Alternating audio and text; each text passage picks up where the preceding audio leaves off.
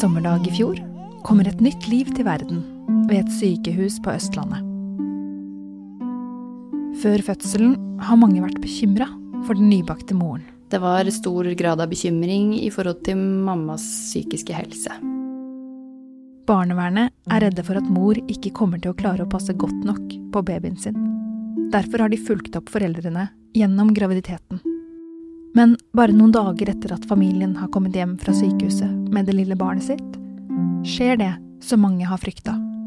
Det, det var det vi hadde tenkt det verste kunne skje, og så skjedde det. Så ble mamma alvorlig syk.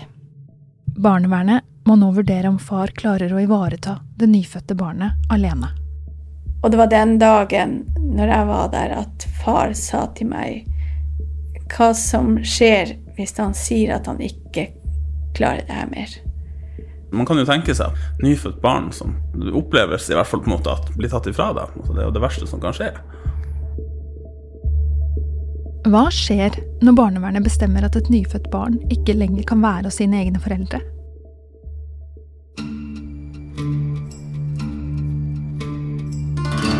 Jeg husker jeg tenkte at det her det går ikke bra.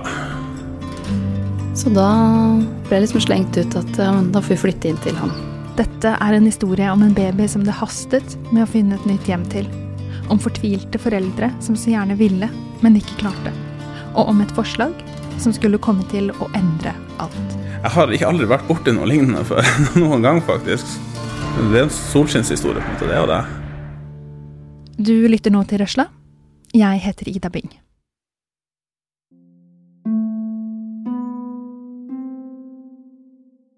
Hvert år så får barnevernet inn over 50 000 bekymringsmeldinger.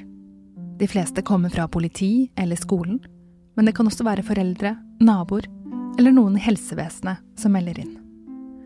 Denne historien starter med en slik melding. Det var en bekymringsmelding som eh, ble oppretta når eh, mor var gravid. Og da ble jeg kobla på som familieveiledning, for jeg har eh, utdannelse innenfor sped- og småbarn. Anita Wirkola Dirksen jobber som familieveileder i barnevernet og på helsestasjonen i Aurskog-Høland kommune. Bekymringsmeldingen som Anita og barnevernet får, handler om at moren tidligere har vært psykisk syk. Så det lå jo til grunn for at her måtte jeg være obs på at her måtte man følge ekstra nøye med, for at det kunne skje på nytt igjen. Barnevernet er nå ekstra opptatt av å finne ut hvilken tilstand moren er i rent psykisk og sikre at familien får oppfølging, slik at de kan være føre var. Derfor bruker Anita mye tid på å bli kjent med dem. Så når jeg kom inn, så, så hadde vi oppretta en sånn liten allianse. Eh, og det virka som at de hadde tiltro til at man bare ville dem vel. Når barnevernet mottar en bekymringsmelding, så har de plikt til å følge den opp. Familier kan ikke si nei til å ha kontakt med barnevernet da. Men for et barn som ikke er født ennå, så er det annerledes. Da må barnevernet ha samtykke fra foreldrene. Det er ikke sånn sagt at mm, alle familier som, eller foreldre som er gravid, sier ja til at vi kommer så tidlig inn. Men denne ville gjerne at vi kommer inn. Så dem, helt fra starten av så var det et vilje fra dem som ville at vi skulle være en støtte og hjelp i, i graviditeten. Og så ble jo barnet født da i slutten av juni.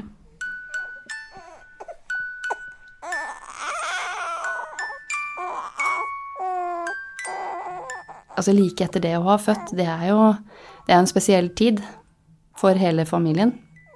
Det som kalles da ja, gjerne de første seks ukene, da, hvor familiene skal ha tilstrekkelig med ro, men samtidig som vi vil være sikre på at barnet får god nok omsorg. Hege Harfalle jobber sammen med Anita i barnevernet i det som heter mottak- og undersøkelsesteamet. Rett etter at barnet er født, så får Hege og Anita i oppgave å se til at alt går bra med familien. Og for å gjøre det, så må de være tett på. Men når de besøker familien hjemme, etter at de er tilbake fra sykehuset, så ser de fort at ikke alt er som det skal. Vi så at de strevde med, med flere ting i foreldreskapet sitt.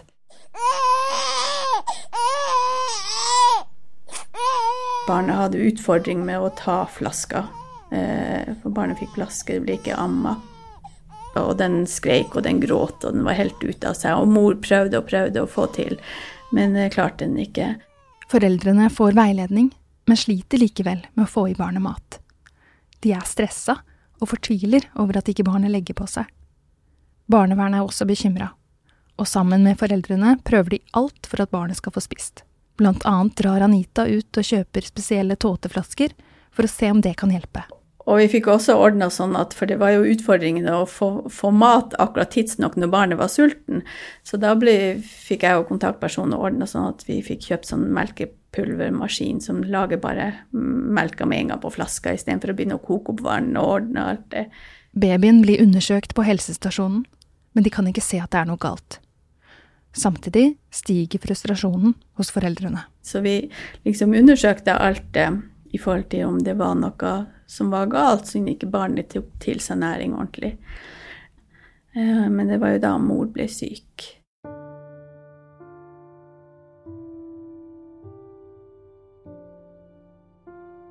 Det er tidlig mandag morgen, og denne dagen er det Anita som har vakt og skal innom familien. Og så etter hvert så går jeg på kjøkkenet til mor, eh, og der sitter hun og gråter. Og tårene bare renner, og det var helt Ja, hun virka veldig utafor. Og tårene hennes bare trilla og trilla og trilla. Det var, det var veldig sårt og tungt å se. Så kom mor i stua, og så setter hun seg i sofaen, og så begynner hun å lage en sånn kraftig lyd. Eh, og da er ikke hun kontaktbar. Vi får ikke kontakt med henne, bare helt borte vekk. Eh, så sier far på nytt igjen jeg tror vi må få inn til vurdering hos legen. Og han sto jo med den lille babyen der og hadde også ansvaret for mammaen som, som satt i sofaen og var ja, ikke kontaktbar. Og så hadde han samtidig eldre søsken til den lille babyen som eh, var oppe eh, i andre etasjen. Det som barnevernet frykta aller mest, hadde skjedd. Morens tidligere psykiske sykdom var tilbake. Anita får nå tilkalt en kontaktperson som skal kjøre moren til en lege. Far skal også være med. Um, og så måtte jeg gå en tur på toalettet mens vi venta på kontaktpersonen. Og når jeg kommer tilbake, så holder jo mor den lille barnet.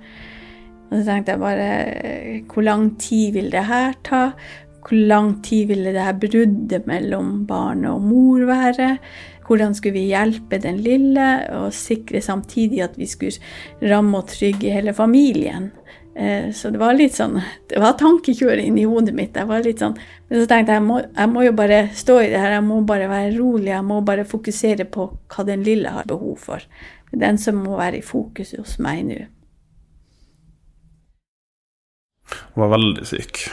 Hun eh, eh, hadde vel tilnærma ingen funksjon, vil jeg på en måte si. Hun, eh, hun fungerte ikke altså Hun klarte ikke å gjøre selv de enkleste gjøremål og sånt. Hun var helt klart ute av stand måte, til å gi det barnet noen form for, for omsorg på, måte, på, på, det tidspunktet jeg ble kobla på saken. da. Roy André Håkonsen Harteid er advokat og kjenner familien fra en annen sak han hjalp dem med. Han får vite at mor har blitt så alvorlig syk at barnevernet nå er usikre på hvor babyen kan bo. Hjemme med far, eller om den lille burde akuttplasseres i et beredskapshjem. En akuttplassering er inngripende, og dersom situasjonen er så alvorlig at det går utover barnet, kan barnevernet gjøre plasseringen uten samtykke fra foreldrene, altså med tvang. Det blir jo veldig ofte fremheva at, eh, at barne, de sakene hvor barnevernstjenesten gjør uriktige vurderinger, på en måte, men de har ikke noe enkel jobb. Altså, på, en måte, på den ene sida, så, så du, de kan trå feil uansett hva de gjør. på en måte. De, tar de barna ut, og det viser seg at ikke det var en riktig beslutning, så det er selvfølgelig helt forferdelig. Men hvis de venter for lenge på en måte, med å ta barnet ut av hjemmet, så, så kan, kan, man jo på en måte risikere at barnet blir skada, i verste fall for resten av livet, på en måte, hvis man er i en uholdbar omsorgssituasjon. Så det, de har ikke noe enkel jobb, syns jeg. Foreldrene de ønsker ikke å være med i denne episoden. Men de har gitt advokaten sin, Roy Arteid, lov til å uttale seg på deres vegne. Roy har jobba med barnevernssaker i flere år, og han vet på dette tidspunktet at barnevernet kan komme til å vurdere et akuttvedtak. Hvis det viser seg å være best for babyen. Jeg så veldig mørkt på det. Jeg gjorde det. Uh, og særlig pga. mor sin, sin, sykdom og sånn, som heter 'Hvordan i alle dager skal far klare det her måte, alene?' Måte, og i et fremmed land. Foreldrene kommer jo fra en helt annen kultur, og sånt, måte, så jeg, jeg, husker jeg tenkte at det her det går ikke bra.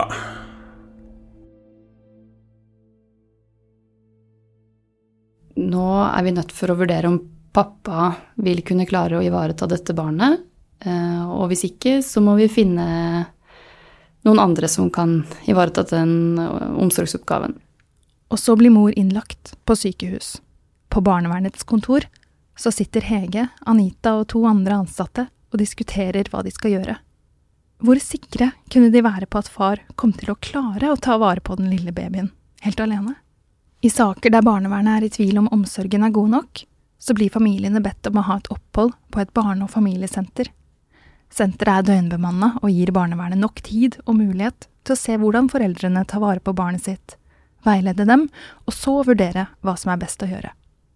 Men da de forklarer for faren at han skal på et slikt senter, så er han tydelig på at han aller helst vil være hjemme, på et sted der han føler seg kjent og trygg.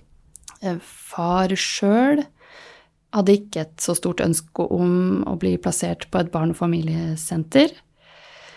Eh, og da hadde vi et internt møte her, hva, hvordan vi da skulle kunne klare å vurdere han. Hva, hva gjør vi nå?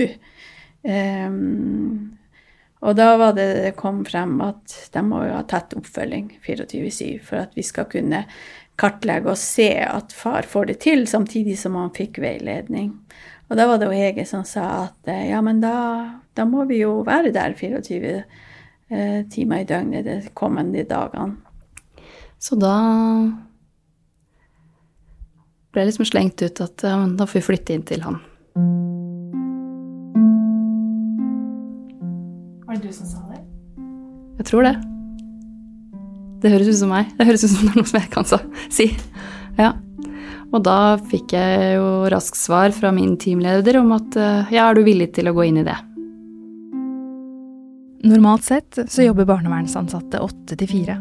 Så det å skulle flytte inn hos familien krever at Hege, Anita og de andre ansatte må dele på å være der, ikke bare på dagtid, men også om kvelden og hele natta.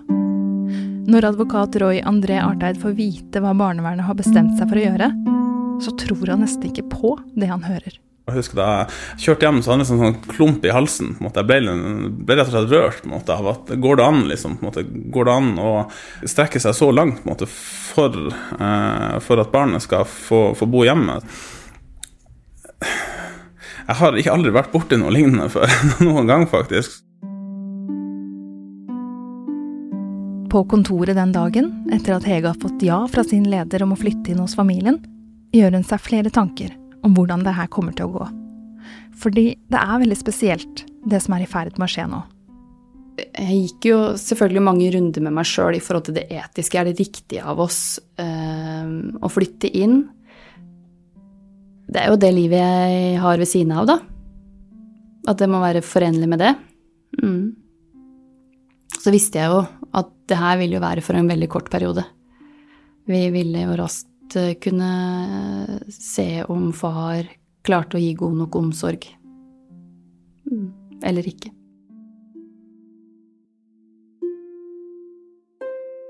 Så pakker Hege og Anita en bag og gjør seg klare for å flytte inn.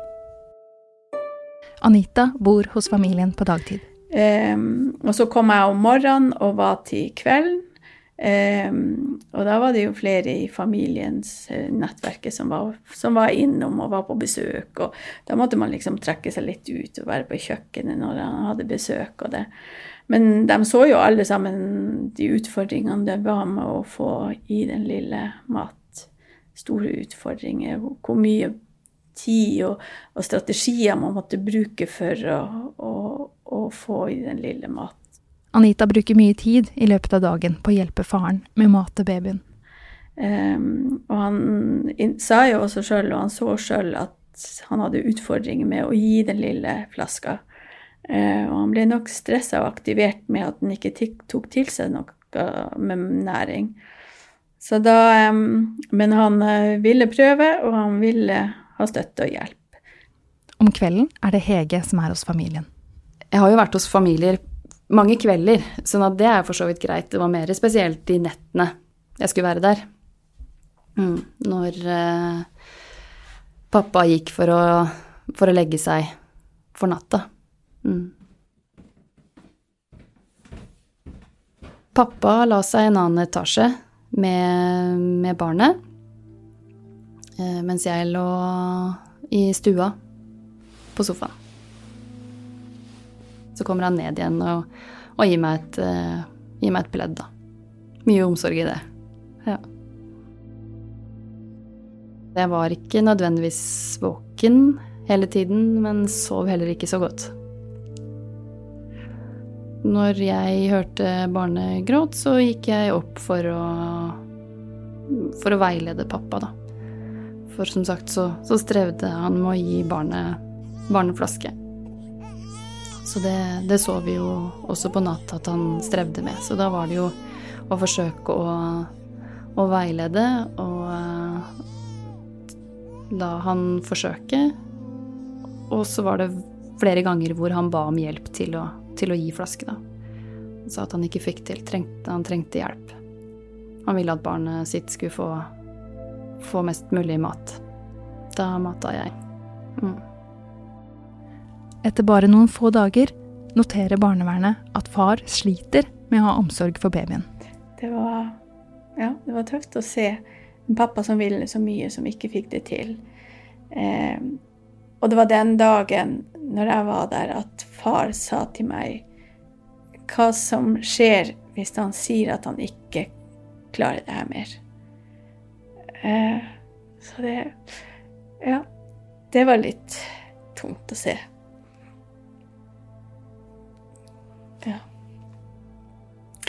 For man ville at pappaen skulle få, så, få den hjelpa og få det til og mestre og, og føle at han kunne være det som babyen trengte.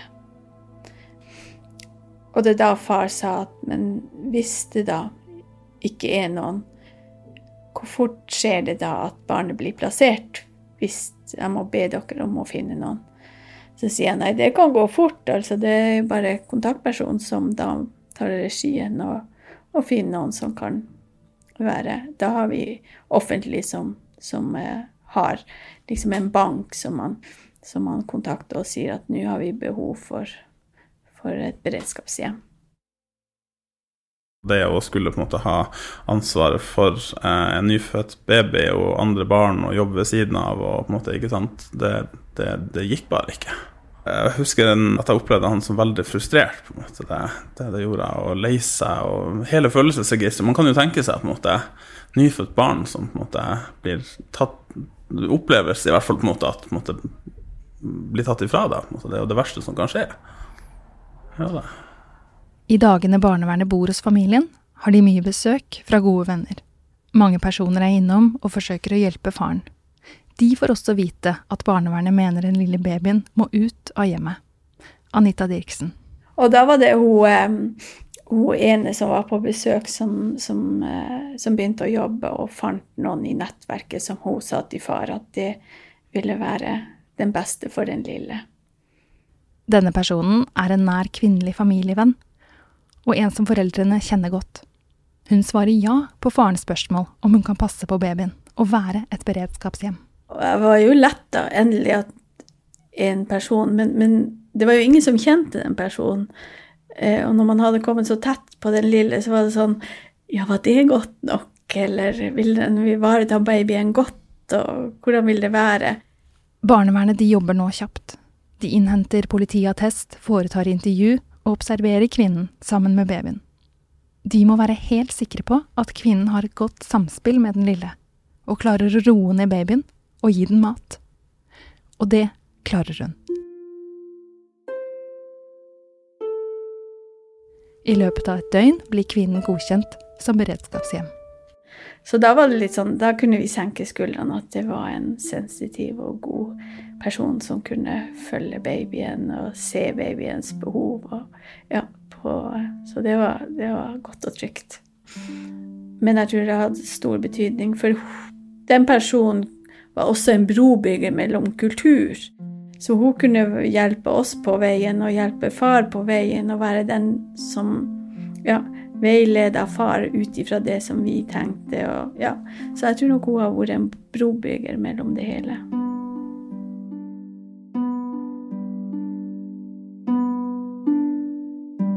Det at eh, barnevernstjenesten, eh, eller saksbehandlerne, valgte å så å si på en måte flytte inn hos far og hjelpe han på en måte døgnet rundt med omsorgen for barnet, det tror jeg har vært en suksessfaktor på en måte i, i saken. fordi eh, gjennom at de på en måte gjorde det, så fikk man også på en måte tid til å finne noen i familien sitt nettverk som kunne på en måte ta, eh, ta hånd om barnet og fungere som et på en måte, beredskapshjem. Alternativet til at barnevernstjenesten hadde flytta inn, ville da på en måte vært at barnet ble flytta i et helt ukjent hjem, og sånt, på en måte, som uh, antageligvis da, måte, som foreldrene ikke hadde noe kjennskap til. Og da ville denne historien sett helt annerledes ut, tror advokat Roy Arteid. Denne nettverksplasseringen den tenker jeg på en måte at uh, har ført til at barnet på en måte kunne tilbakeføres til, til foreldrene, sånn som jeg, jeg, ser det i hvert fall sånn som jeg på en måte forstår saken. Det går noen måneder. Mor blir friskere og får ha samvær med babyen sin hver uke og i helgene. Men da er det noen fra barnevernet til stede. Når det har gått seks måneder, er mor frisk nok til å kunne få babyen sin hjem. Så Uh, skjedde jo det ved at eh, den personen som fungerte som beredskapshjem, eh, flytta til foreldrene sammen med barnet. Og så begynte den personen uh, liksom, å trekke seg litt og litt mer unna, sånn at barnet en fikk en sånn smidig overgang måte, til, tilbake til, til, hjemmet sitt, da, familien. Og det kan jeg aldri se for meg at et profesjonelt beredskapshjem ville ha gjort. Det, det hadde ikke skjedd. Jeg tror ikke Eh, nødvendigvis at barnet ville bodd hjemme i dag hvis det ikke hadde vært for at de strakk seg så langt. Eh, det er vanskelig nesten å finne ord for hvor eh, langt barnevernstjenesten har strukket seg i denne saken, her, og hvor, hvilken berømmelse de fortjener for det de har gjort. det er utrolig bra. Når Hege Harfalle tenker tilbake på saken, er hun glad for at de valgte å satse på et forslag som ikke var prøvd ut tidligere, og at for denne familien så var det helt riktig det, det er godt å vite eh, at dette er en familie som fikk forsøket, og som eide det at de ikke fikk til, eh, fikk til selv. Og at de selv, eller far, da, fikk komme med et hjem som han ville at vi skulle vurdere. Um, og det vi fikk tilbake, det er jo at um,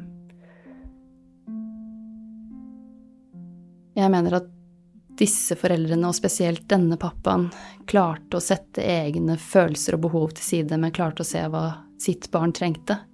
For jeg er ganske sikker på at mange andre foreldre ville ha fremskyndt den tilbakeføringsprosessen mye tidligere, mens denne, den, denne familien tillot da at uh, dette skulle være på dette barnets premisser. Og det var veldig fint å se. Mm. I dag har familien det bra. Barnevernet er ikke lenger tett på, men følger dem opp og ser til at alt fortsetter å gå fint. Anita Dirksen, en av de første fra barnevernet som ble kjent med dem, hadde en samtale med foreldrene for ikke så lenge siden. Jeg og Mette Malnes, min kollega, vi, vi delte foreldrene. Så jeg hadde mor, og hun hadde far. Og da liksom spurte og evaluerte og ja, tilbakemelding hvordan. Og da far sier til Mette Malnes at um, han er så takknemlig for all den hjelpa, og det sier jo mor også, at det øh, Ja, de kan ikke få rost godt nok den hjelpa de har fått, og de er så takknemlige. Og så sier far at um, han har opplevd fra der han kommer ifra, uh, og sett hvordan det er når mødrene blir syke. Og hvor lite hjelp det Det er ingen hjelp i det fra den kulturen de kommer. i. Ingen hjelp å få fra det offentlige. Og nå har de jo fått masse hjelp og, og er ikke redd for barnevernstjenesten. De eh, søker råd og hjelp og tar kontakt. Og, eh, så far sa da at han ser på staten Norge som sine foreldre. Så det Ja, det er godt å kjenne at man har gjort en sånn innsats for dem, og at de får det til.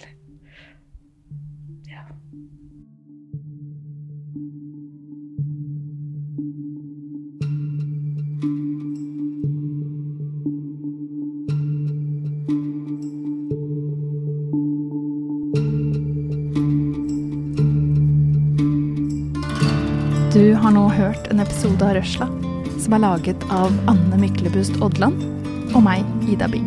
Ansvarlige redaktører er Solfrid Rød og Tore Rystalsnes. Kjenningsmusikken vår er laget av David Ashak Ramani og Hans Kristen Hyrve. I Røsla så forteller vi arbeidsfolks historier. Og hvis du vil høre mer av det vi lager, så finner du flere spennende historier overalt der du lytter til podkaster.